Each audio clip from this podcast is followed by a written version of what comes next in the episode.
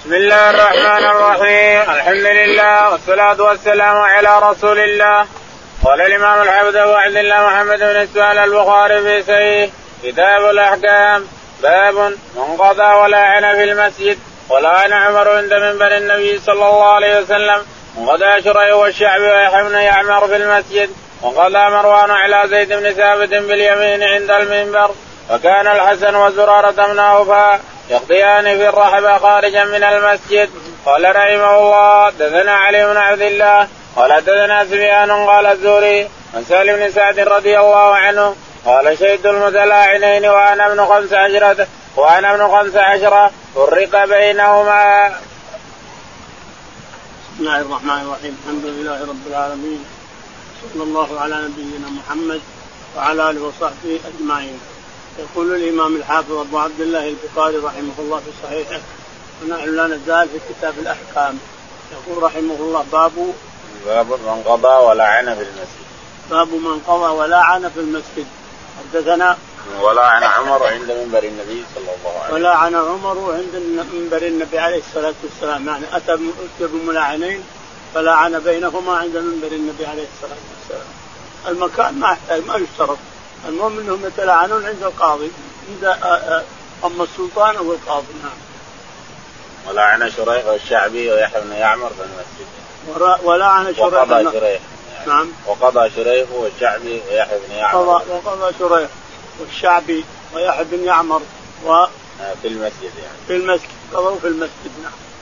وقضى مروان على زيد بن ثابت باليمين عند المنبر. وقضى مروان بن الحكم حين كان اميرا على المدينة في خلافة معاوية قضى على زيد بن ثابت في المسجد عند منبر النبي عليه وكان الحسن وزرارة بن أوفى يقضيان في الرحبة خارجا من المسجد. وكان الحسن وزرارة بن أبي أوفى يقضيان في المسجد خارج في الرحبة. في رحبة المسجد يعني خارج المسجد. قال حدثنا علي بن عبد الله. يقول البخاري رحمه الله حدثنا علي بن عبد الله قال حدثنا سفيان بن عيينة. سفيان بن عيينة قال حدثنا الزهري. الزهري قال عن سالم بن سعد. عن سالم بن سعد الساعدي رضي الله عنه قال قال شهدت المتلاعنين وأنا ابن خمسة عشر سنة يقول سال أنه شهد المتلاعنين الذي لعن عند الرسول عليه الصلاة والسلام. لعن رجلا اتهم امرأته برجل فقال تعالى فشهد على نفسه خمس شهادات وشهدت على نفسها خمس شهادات. ففرق بينهم الرسول عليه الصلاة والسلام. ولما أقدمت قال يدرى عنها العذاب تشهد أربع شهادات. هي لعنة هي غضب الله عليها وهو لعنة الله عليه وشهد خمس شهادات وأربع شهادات وخامسة أن لعنة الله عليه إن كان من الكاذبين. وهي خمس أربع شهادات والخامسة أن غضب الله والغضب أعظم من اللعنة. غضب الله إذا غضب أعظم من لعنته. أن غضب الله عليها إن كان من الكاذبين الصادقين نعم. قال رحمه الله دثنا يحيى قال دثنا عبد الرزاق قال اخبرني ابن جريج قال اخبرني ابن شهاب عن سالم أخي بني ساعدة أن رجلا من الأنصار جاء إلى النبي صلى الله عليه وسلم وقال أرأيت رجلا وجد مع امرأته رجلا يقتله فتلاعنا بالمسجد وأنا شاهد. يقول البخاري رحمه الله حدثنا يحيى يحيى قال حدثنا عبد الرزاق. عبد الرزاق الصنعاني قال حدثنا ابن جريج. ابن جريج قال حدثنا ابن شهاب. ابن شهاب الزهري قال عن سالم بن سعد. عن سالم بن سعد الساعدي رضي الله عنه قال قال أن رجلا من الأنصار جاء إلى النبي صلى الله عليه وسلم فقال أرأيت رجلا؟ إن رجلا من الأنصار جاء إلى النبي عليه الصلاة والسلام فشكى إليه قال أرأيت أن يوجد الرجل مع امرأته رجلا ماذا يفعل؟ إن قتله قتلتموه وإن تركه فهو مصيبة. نعم. فتلاعنا في المسجد وأنا شاهد. فقال ائت بامرأتك. فأتى بامرأته فتلاعنا يقول سأل وأنا شاهد. أبو 15 سنة كما ذكر. باب من حكم في المسجد حتى إذا أتى على احد أمر أن يخرج من المسجد فيقام. وقال عمر اخرجاه من المسجد. ويذكر عن علي إنه قال رحمه الله حدثنا يحيى بن بكير. قال حدثنا الليث بن قيلان بن شهاب. عن أبي سلمة وسعيد بن المسيب عن أبي هريرة رضي الله عنه أنه قال أتى رجل رسول الله صلى الله عليه وسلم في المسجد فناداه فقال يا رسول الله إني زنيت فأعرض عنه فلما شهد على نفسي ارمان قال بك جنون؟ قال لا. قال اذهبوا به فارجموه قال ابن شهاب فأخبرني من سمع جابر بن عبد الله قال كنت في من رجمه بالمصلى ورواه يونس ومعون وابن جريج عن الزهري عن أبي سلمة عن جابر عن النبي صلى الله عليه وسلم في الرجم. يقول البخاري رحمه الله حدثنا باب من حكم في المسجد حتى إذا أتى على حد. باب من حكم في المسجد باب من حكم في المسجد حتى إذا وصل الحد أخرجه من المسجد وجلدوه أو رجموه بالحجارة حدثنا وقال عمر أخرجاه من المسجد. قال عمر أخرجاه من المسجد يعني ارجموه برا خارج المسجد. نعم. ويذكر عن علي نحوه. ويذكر عن علي بن أبي طالب نحوه لما كان خليفة نعم. قال حدثنا يحيى بن بكير. نقول حدثنا يحيى بن بكير قال حدثنا الليث. الليث بن سعد قال حدثنا عقيل عن ابن شهاب. عقيل عن ابن شهاب قال عن أبي سلمة وسعيد بن عن أبي سلمة وسعيد بن جبير. وسعيد بن المسيب. سعيد بن المسيب قال عن أبي هريرة قال عن أبي هريرة رضي الله تعالى عنه قال قال أتى رجل رسول الله صلى الله عليه وسلم فهو في المسجد فناداه فقال يا رسول الله إني زنيت. يقول أتى أتى النبي عليه الصلاة رجل فناداه وهو في الناس جهرا. يا رسول الله إنه زنى. فأعرض عنه. ثم قال يا رسول الله إنه زنى فأعرض عنه. ثم حتى أقر على نفسه أربع مرات إنه زنى. فقال بك جنون؟ قال لا. قال احصنت قال نعم. قال اذهبوا به فارجموه. لازم أن يكون غير مجنون وأن يكون محصن. واذا لم يكن محصن فإنه يجلد جلد. إذا لم يكن محصن وتزوج فإنه يجلد 100 جلدة ويغرب 100 عام. أما إذا كان محصن وزنى فإنه يلجم بالحجارة واعترف أربع مرات أو شهد عليه أربعة شهود فإنه يجلد يجلد يرجم بالحجارة نعم وهي كذلك المرأة إذا اعترفت على نفسها بالزنا أربع مرات وهي محصنة فإنها ترجم بالحجارة أيضا نعم. قال ابن شهاب أخبرني من سمع جابر بن عبد الله قال كنت في مره يقول ابن شهاب أخبرني من سمع جابر رضي الله عنه أنه كنت من رجمه يعني جابر رجمه مع لأن الرسول أرجموه خلاص. أرجموه قام الناس صاروا يرجمونه. كل اللي مدس واللي حجر واللي نعم. باب موعظة الإمام للخسوف. قال رحمه الله حدثنا عبد الله بن مسلم عن مالك عن هشام بن أبي عن زينب بن أبي سلمة عن أم سلمة رضي الله عنها أن رسول الله صلى الله عليه وسلم قال إنما أنا بشر وإنكم تختصمون إلي ولعل بعضكم أن يكون الحن بحجته من بعض. فأقضي نحو ما أسمع فمن قضيت له بحق أخيه شيئا فلا يأخذه فإنما اكته له قطعة من النار. يقول البخاري رحمه الله باب الخصوم. موعظة الإمام للخصوم. أو موعظة الإمام للخصوم. حدثنا عبد الله بن مسلمة عبد الله بن مسلمة. قال حدثنا مالك. مالك الإمام. قال حدثنا هشام بن عروة. هشام بن عروة. عن أبيه. عروة بن الزبير. عن زينب بنت أبي سلمة. عن زينب بنت أبي سلمة عن أم سلمة زوج النبي عليه الصلاة والسلام. قالت أن رسول الله صلى الله عليه وسلم قال إنما أنا بشر وإنكم تختصمون إلي. تقول زينب تقول أسماء. أم سلمة. رضي الله عنها زوج النبي. تقول أن الرسول عليه الصلاة والسلام قال إنما أنا بشر لاحظوا أخواني. الناس الآن حطوا الرسول بمنزلة غير منزلة البشر. غلوا في الرسول نعوذ بالله وجعلوه منزلة في غير منزلة البشر. وش يقولوا لا هذا الرسول يفعل كذا ويفعل كذا ويفعل كذا ويفعل كذا إلى آخره. كله ضلال نعوذ بالله وضلال من إبليس.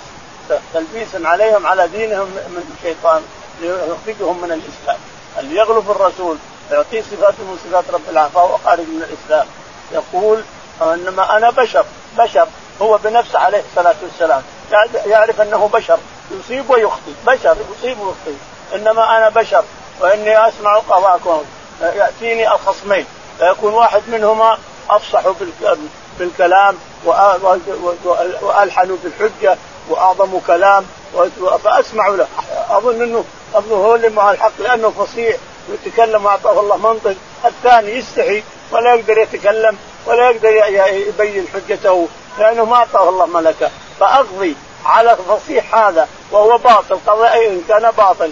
يقول إن كان باطل فإنما أقضي له بنار من جهنم. إذا قضيت له علشان علشان لسانه علشان حجته علشان فصاحته. قضيت له وتركت الذي ما بين الحجه والحق لهذا فإنما أقضي به بقطعة من جهنم.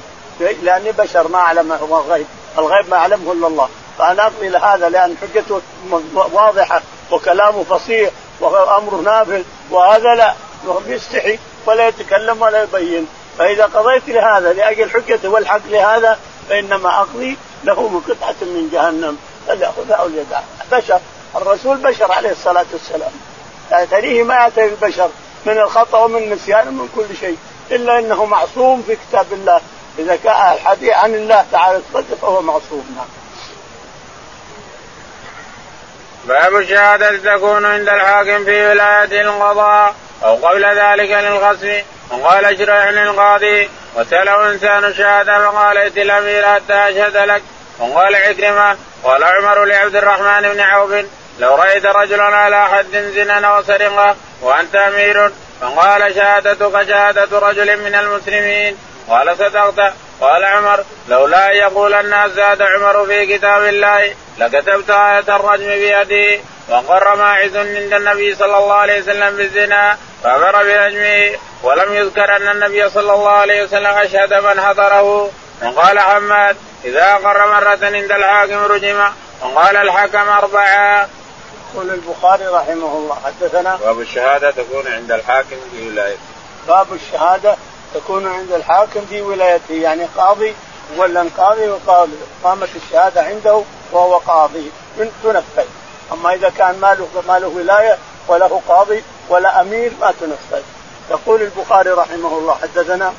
وقال شريح القاضي وسأله إنسان عن الشهادة فقال ائت الأمير حتى وقال شريح النقاعي القاضي و وسأله إنسان الشهادة. وسأله إنسان عن الشهادة فقال ائت الأمير حتى يشهد لك. ائت الأمير حتى يشهد لك. ائت الأمير حتى يشهد لك. نعم.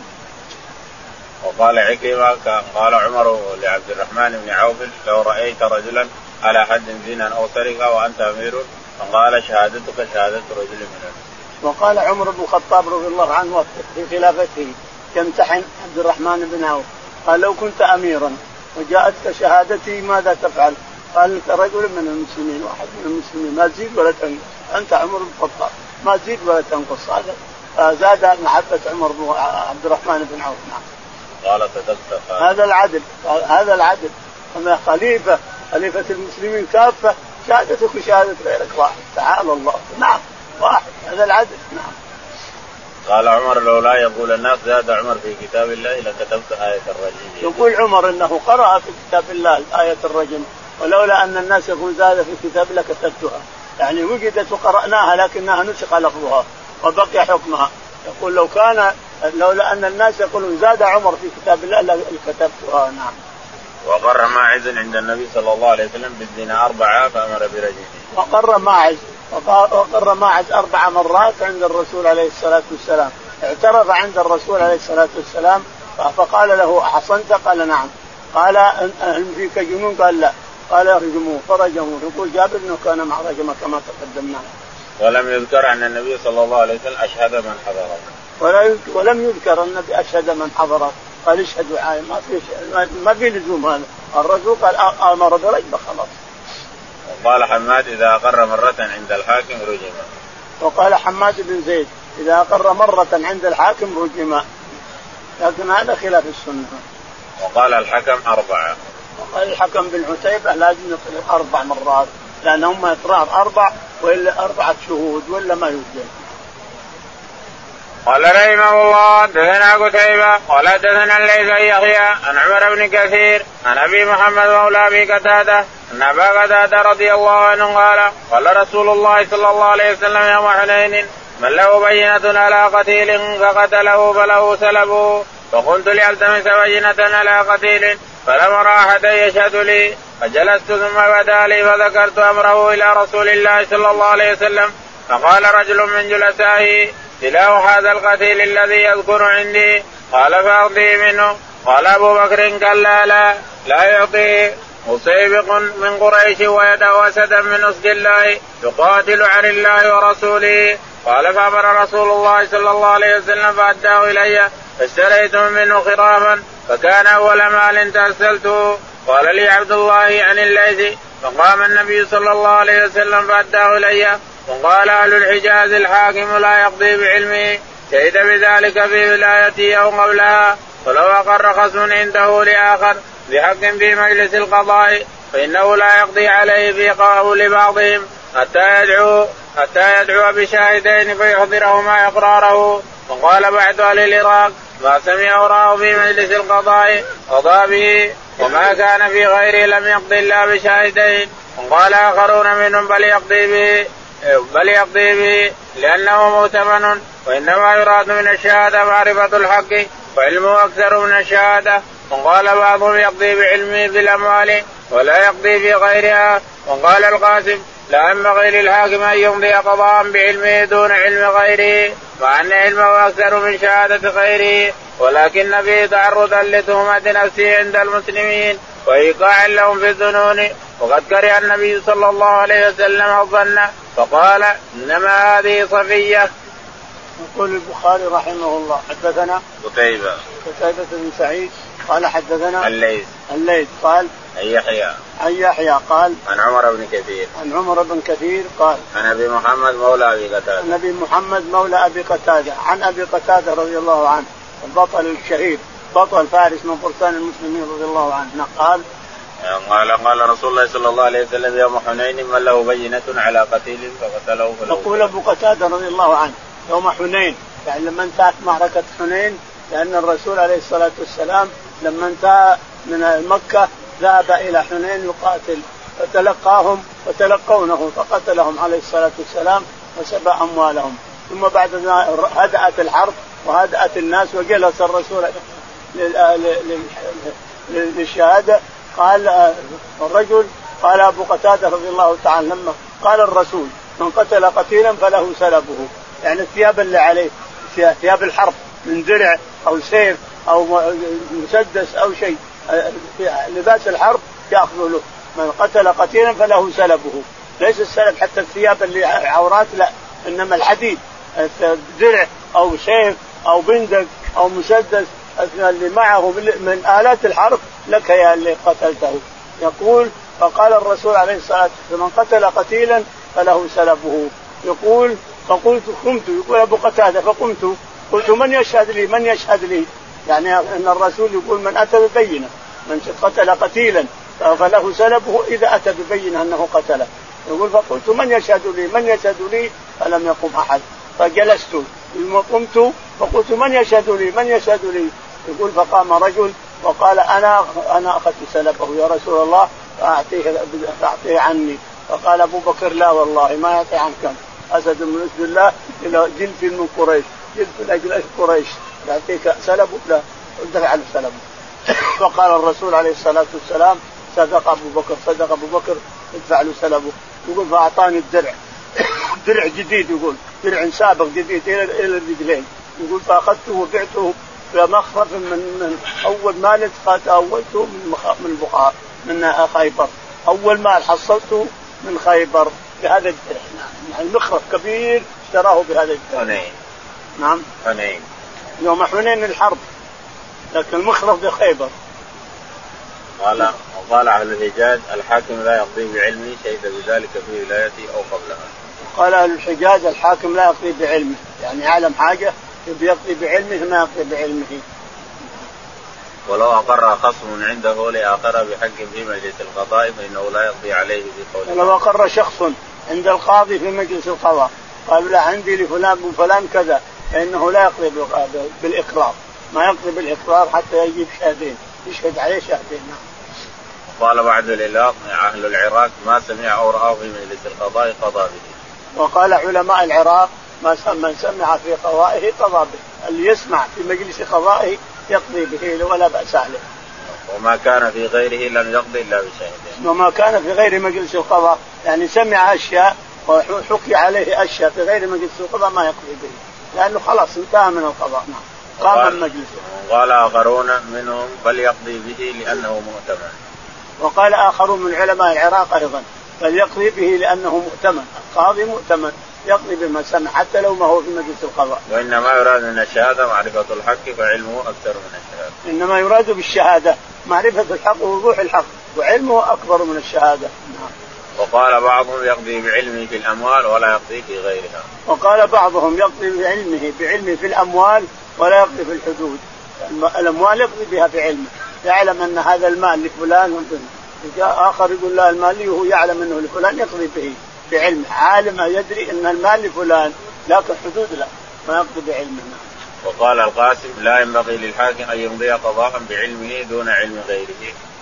وقال بعضهم وقال القاسم وقال القاسم لا يقضي بعلمه بشيء حتى يقضي غيره يشهد غيره ولكن فيه تعرضا لتهمة نفسه عند المسلمين لأن فيه تهمة لتعرض نفسه عند الناس يخافونه ويتكلمون فيه. وإيقاع لهم في الظنون. وإيقاع للناس في الظنون به يظنون به والظن إثم.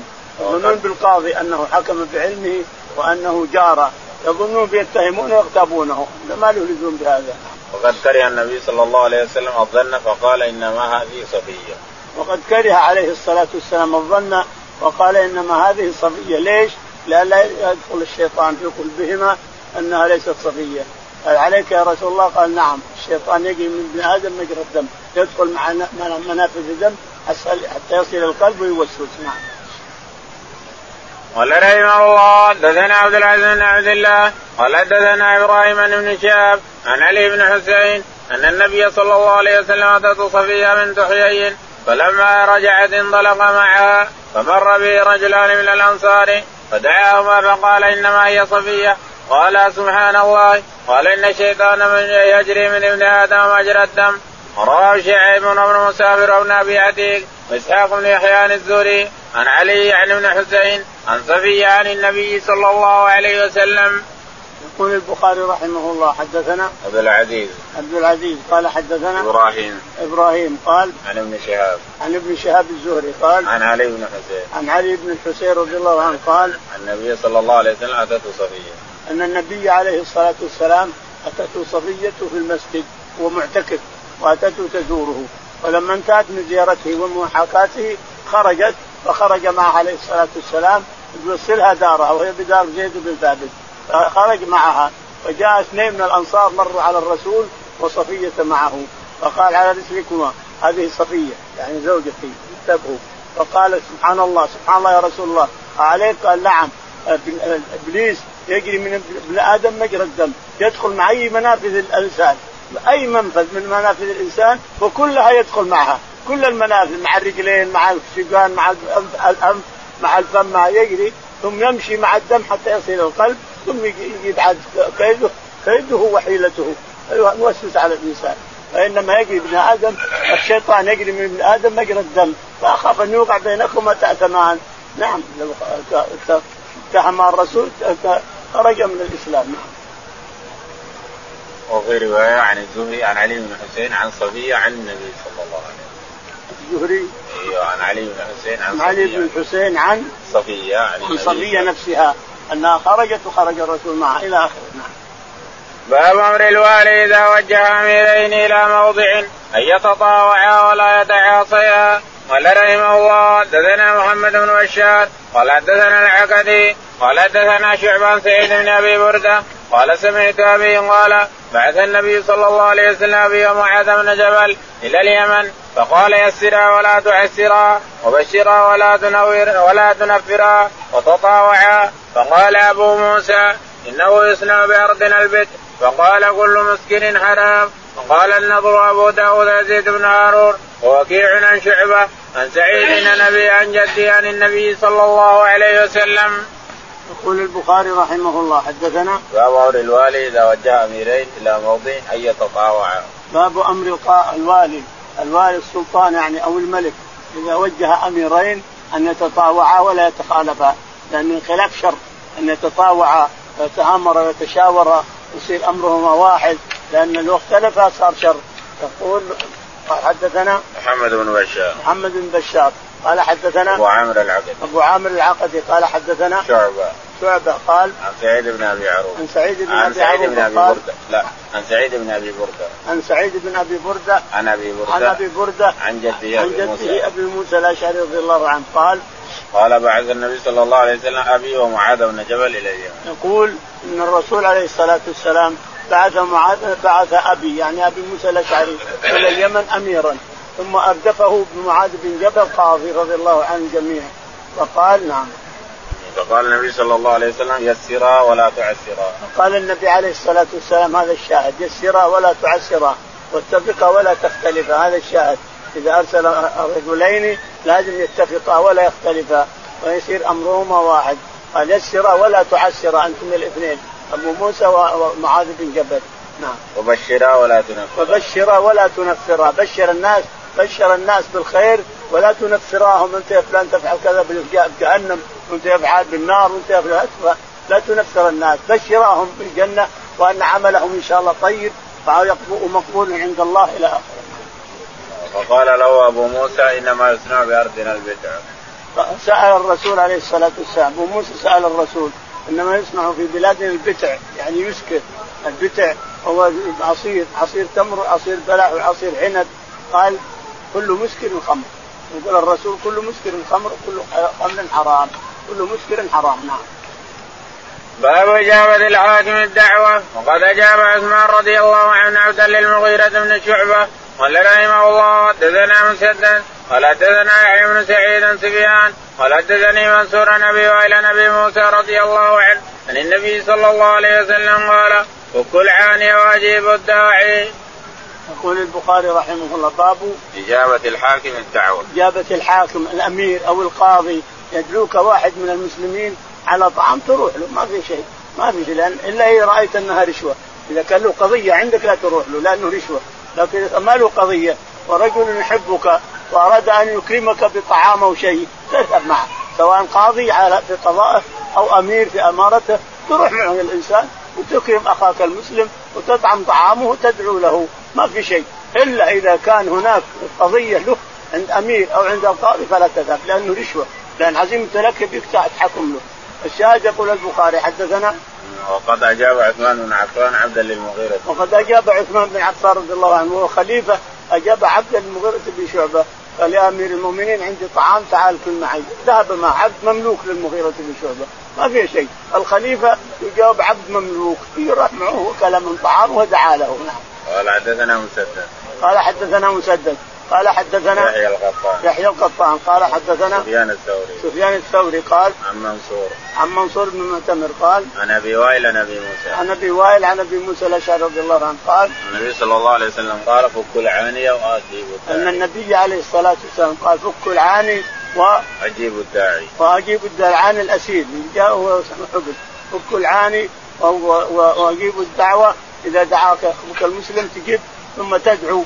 حتى لو كنت صايم. تدعو تذهب كان ابن عمر رضي الله عنه يذهب مع اللي يدعوه إلى طعام. يذهب إلى وليمه عرس يذهب إلى غيرها. فإذا وصل إلى دارهم إن كان صوم تطوع وأراد أن يفك الصوم أكل. وإلا دعا لهم ورجع. دعا لهم يكفي. الدعاء يكفي. يقف على الباب ويدخل محلهم ثم يسلم ثم يدعو لهم الدعاء ثم يرجع. ما يلومونه نعم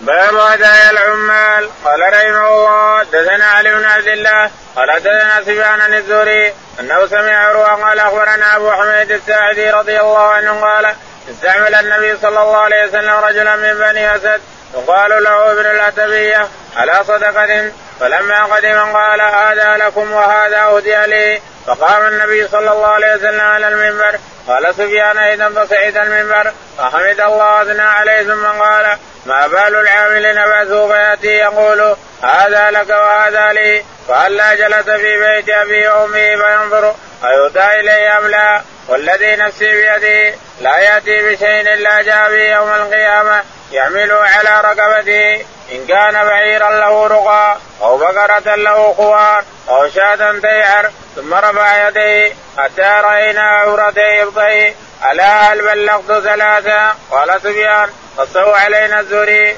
وزاد هشام عن ابي عن ابي حميد قال اذناي وابصرت عيني وسلوا زيد بن ثابت فإنه سمع معي. ولم يقل الزهري سمع أذناي.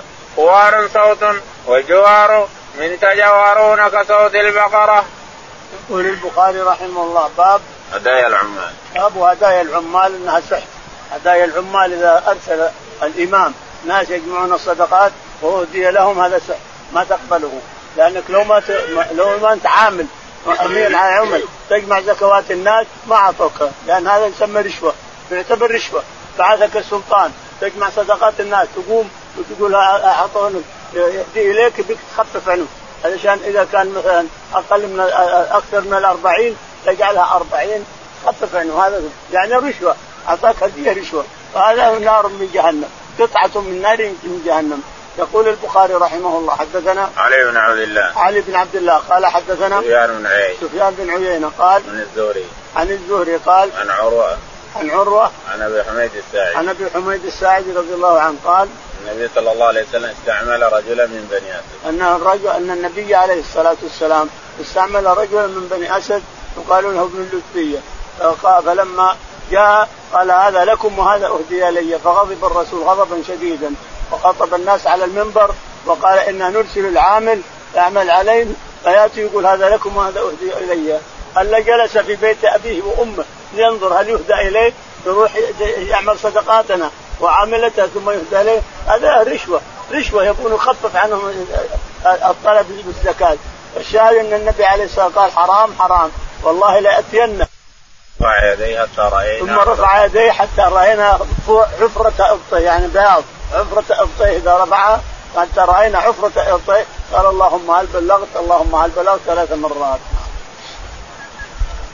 باب استقضاء الموالي واستعمالهم. قال رحمه الله حدثنا عثمان بن صالح قال حدثنا عبد الله بن وهب قال أخبرنا ابن جريج ان نافعا أخبره أن ابن عمر رضي الله عنهما أخبره قال كان سالم مولى أبي حذيفة رضي الله عنه يوم المهاجرين الأولين وأصحاب النبي صلى الله عليه وسلم في مسجد قباء فيهم أبو بكر وعمر وأبو سلمة وزيد وعامر بن ربيعة. يقول البخاري رحمه الله باب يؤم الناس من قرأ القرآن حتى لو عبد مملوك له عبد مملوك أو عبد معتد يؤم الناس من قرأ القرآن لأن الرسول عليه الصلاة والسلام قال يؤم القوم أقرأهم لكتاب الله الشاهد يقول حدثنا عثمان بن صلاح. عثمان بن صلاح حدثنا عبد الله بن وهب. عبد الله بن وهب قال حدثنا ابن جريج. ابن جريج قال حدثنا نافع عن ابن عمر. نافع عن ابن عمر رضي الله عنهما قال قال كان سالم مولى أبي حذيفة يوم المهاجرين. قال كان سالم رضي الله عنه رضي الله عن سالم مولى أبي حذيفة. سالم كان يقرأ القرآن بالليل سمعته عائشة وقعدت تنتظر ثم ذهبت إلى الرسول قال ما الذي أخرك؟ قالت واحد من أصحابك يقرأ في المسجد. فخرج عليه الصلاة والسلام واستمع لقراءة سالم مولى أبي حذيفة. الحمد لله. فقال عليه الصلاة والسلام الحمد لله الذي جعل في أمتي مثل هذا الرجل. مثل هذا الرجل.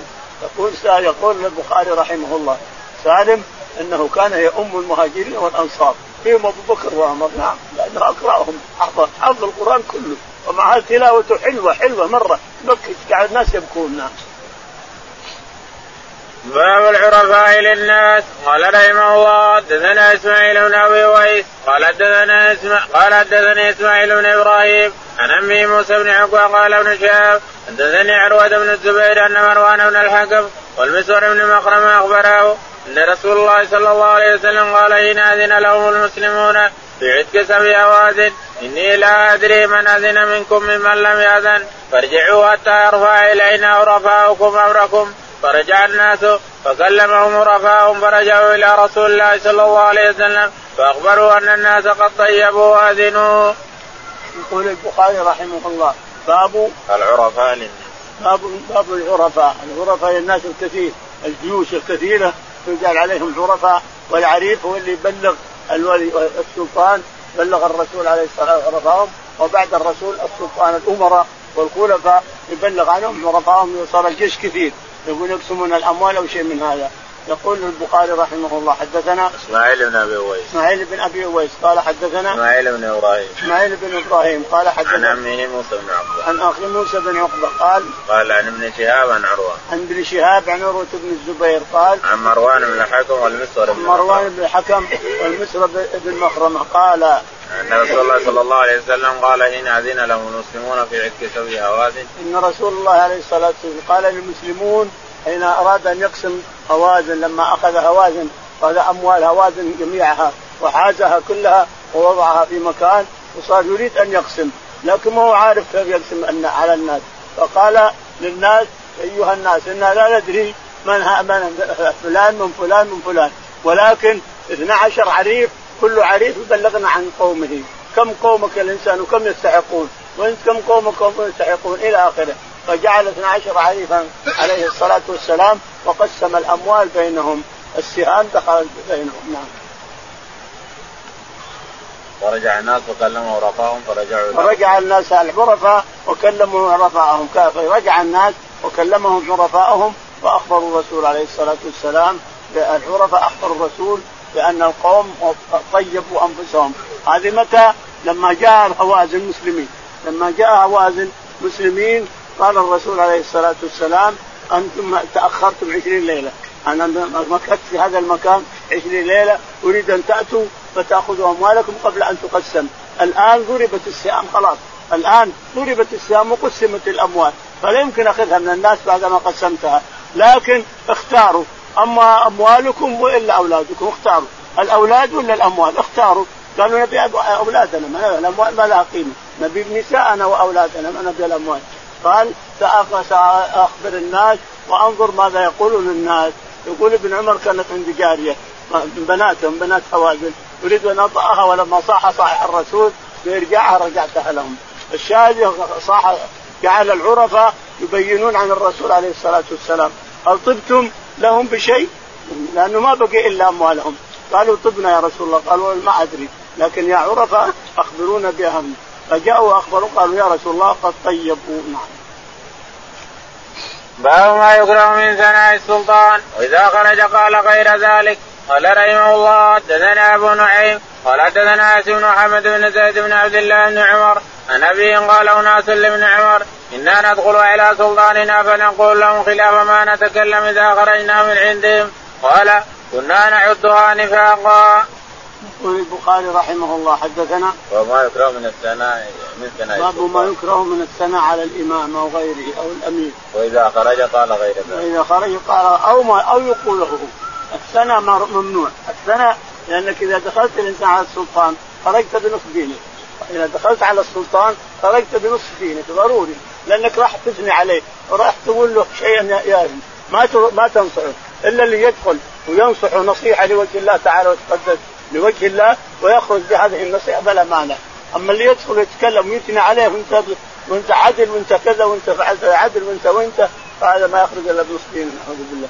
يقول البخاري حدثنا أبو نعيم. أبو نعيم قال حدثنا عاصم بن محمد. عاصم قال حدثنا عن أبيه محمد. عن أبيه محمد قال قال أناس لابن عمر إنا ندخل على سلطاننا فنقول لهم خلاف يقول قال أناس لابن عمر رضي الله عنه ان ندخل على سلاطيننا. ونثني عليهم فما ترى. قال.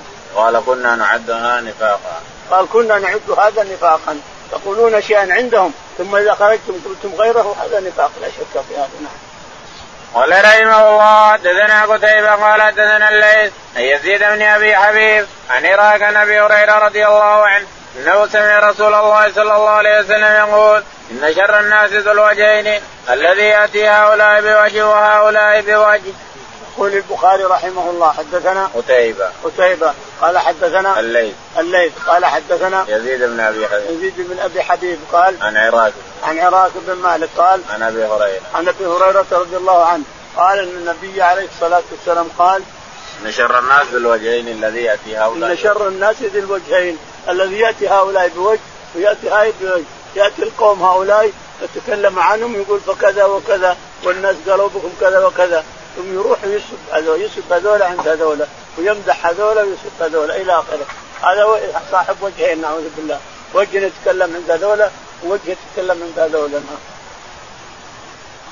باب القضاء على الغائب. قال رحمه الله دثنا محمد بن كثير قال أخبرني سفيان بن هشام أبي عائشة رضي الله عنها أن عندهم قالت للنبي صلى الله عليه وسلم إن أبا سفيان رجل شيء فاحتاج أن آخذ من ماله. قال خذي ما يكفيك ولا تكي بالمعروف. يقول البخاري رحمه الله باب القضاء على الغائب. باب القضاء على الغائب يعني سواء كان رجل أو امرأة. القضاء على الغائب سواء كان رجلا أو امرأة.